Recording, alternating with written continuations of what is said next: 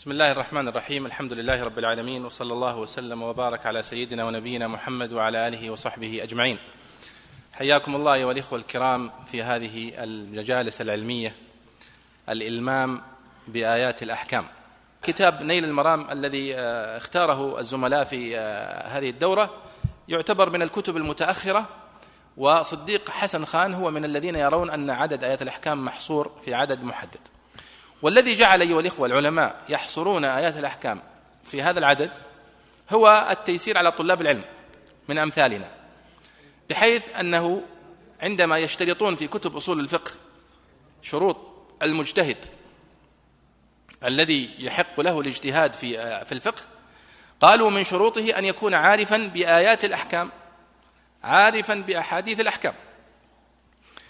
فصنفوا في آيات الأحكام وصنفوا في أحاديث الأحكام.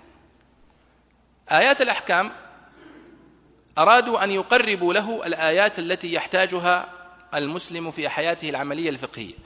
ولذلك تلاحظون في كليات الشريعة الآن نقرر أو يقررون على الطلاب الآن في التفسير تفسير آيات الأحكام. لأنهم يعرفون يعلمون أن خريج كلية الشريعة سيتوجه إلى القضاء أو يتوجه إلى المحاماة أو يتوجه إلى كتابة العدل ونحو ذلك.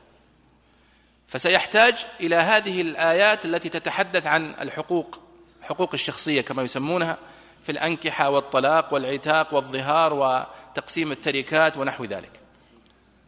فقالوا نركز على هذه الآيات وإلا كما قال صديق حسن خان وسوف نقرأ المقدمة أنه لا ينبغي لطالب العلم أن يغفل إيه واحدة من القرآن الكريم إلا ويتعلمها. ولكننا نحن من هذا الباب وهو باب التيسير على طالب العلم قربنا له الآيات التي نرى أن فيها أحكام فقهية صريحة لكي يكون على معرفة وعلى صلة آه، آه، وثيقة بهذه الآيات. فلذلك صنفوا آيات الأحكام واختصروها. بعضهم قال 150 آية بعضهم قال 200 آية بعضهم قال 600 آية.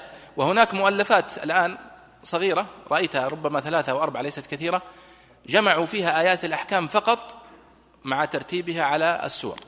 وبعضهم جمعها مع ترتيبها على الموضوعات.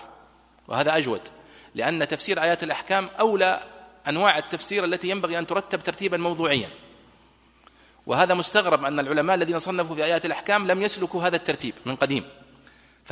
فيجمع آيات الأحكام التي وردت في الطهارة مع بعضها آيات الأحكام التي وردت في الصلاة مع بعضها. ولذلك حتى آه، لا أتذكر البيضاوي البيضاوي رحمه الله نعم عندما جاء إلى تفسير آيات الخمر في سورة البقرة لم يكتفي بالحديث عن قوله تعالى ويسألونك عن الخمر والميسر قل فيهما إثم كبير ومنافع للناس.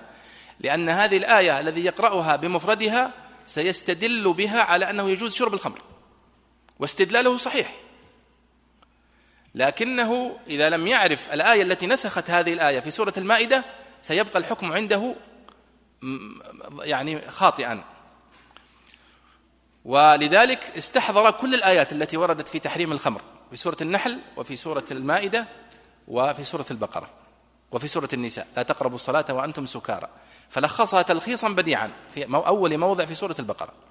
ولذلك يعني التفسير آيات الأحكام ينبغي أن يكون دائما بهذه الطريقة حتى يستكمل طالب العلم الرؤية الكاملة للحكم كيف ورد في القرآن الكريم. طيب آه هنا ماذا يقول الشيخ آه صديق حسن خان. طبعا صديق حسن خان هو من العلماء المتأخرين آه الهنود وكان ملكا بالمناسبة. كان أبوه ملك وكان هو أيضا ملكا في مملكة بهوبال في الهند آه فكان رجلا موسرا وغنيا وثريا ويعني يطلب الكتاب آه بأي ثمن. ولذلك بالغ النساخ والوراقون في جلب الكتب له بغالي الأثمان. ولذلك بعض المخطوطات إلى اليوم ما زالت يعني من أفخر المخطوطات لأنها قدمت إلى صديق حسن خان وكان ملكا يدفع فيها مبالغ طائلة. فصنف كتابا وكما تعلمون في في تفسير القرآن سماه فتح البيان في مقاصد القرآن.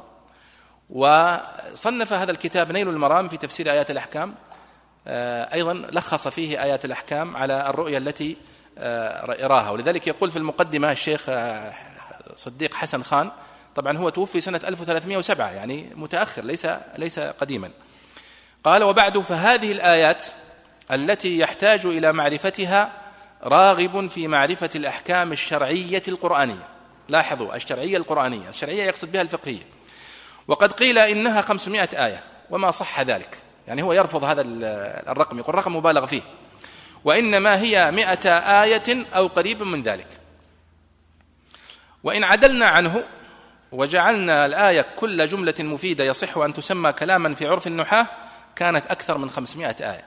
يعني يقصد إذا كنا سنحسب الآيات بالآيات الموجودة في المصحف كما هي الآية التي لها بداية ولها نهاية فهي لا تتجاوز 200 أما إذا كنا سنعتبر الآية كل جملة مفيدة فالآية الطويلة ستكون عدد من الآيات. قال يصح أن تسمى كلاما في عرف النحاة كانت أكثر من 500 آية وهذا القرآن من شك فيه فليعد. يعني يقول الذي ما هو مصدقني يأخذ المصحف ويعد. ولا أعلم أن أحدا من العلماء أوجب حفظها غيبا بل شرط أن يعرف مواضعها حتى يتمكن عند الحاجة من الرجوع إليها فمن نقلها إلى كراسة وأفردها كفاه ذلك. وهذا الذي صنعه الزملاء في هذه الدورة أفردوا هذه الآيات في كراسة ووزعوها علينا. يقول صديق حسن خان وهذه يعني معلومة مهمة في مقدمة الكتاب قال ولم أستقص فيه نوعين من آيات الأحكام. ما هما؟ قال أحدهما ما مدلوله بالضرورة كقوله سبحانه وتعالى وأقيموا الصلاة وآتوا الزكاة. فهذه واضحة ودلالتها مباشرة فهذه لم يذكرها. قال للأمان من جهله إلا أن تشتمل الآية من ذلك على ما لا يعلم بالضرورة ولكن بالاستدلال فأذكرها. وثانيهما ما اختلف المجتهدون في صحة الاحتجاج فيه على أمر معين وليس بقاطع الدلالة. فيقول لا أذكره أيضا من آيات الأحكام. لماذا؟ لأن الفقهاء اختلفوا في دلالته على هذا الحكم. فعندما ألزم طالب العلم بحفظه فقد ألزمته برأي دون رأي.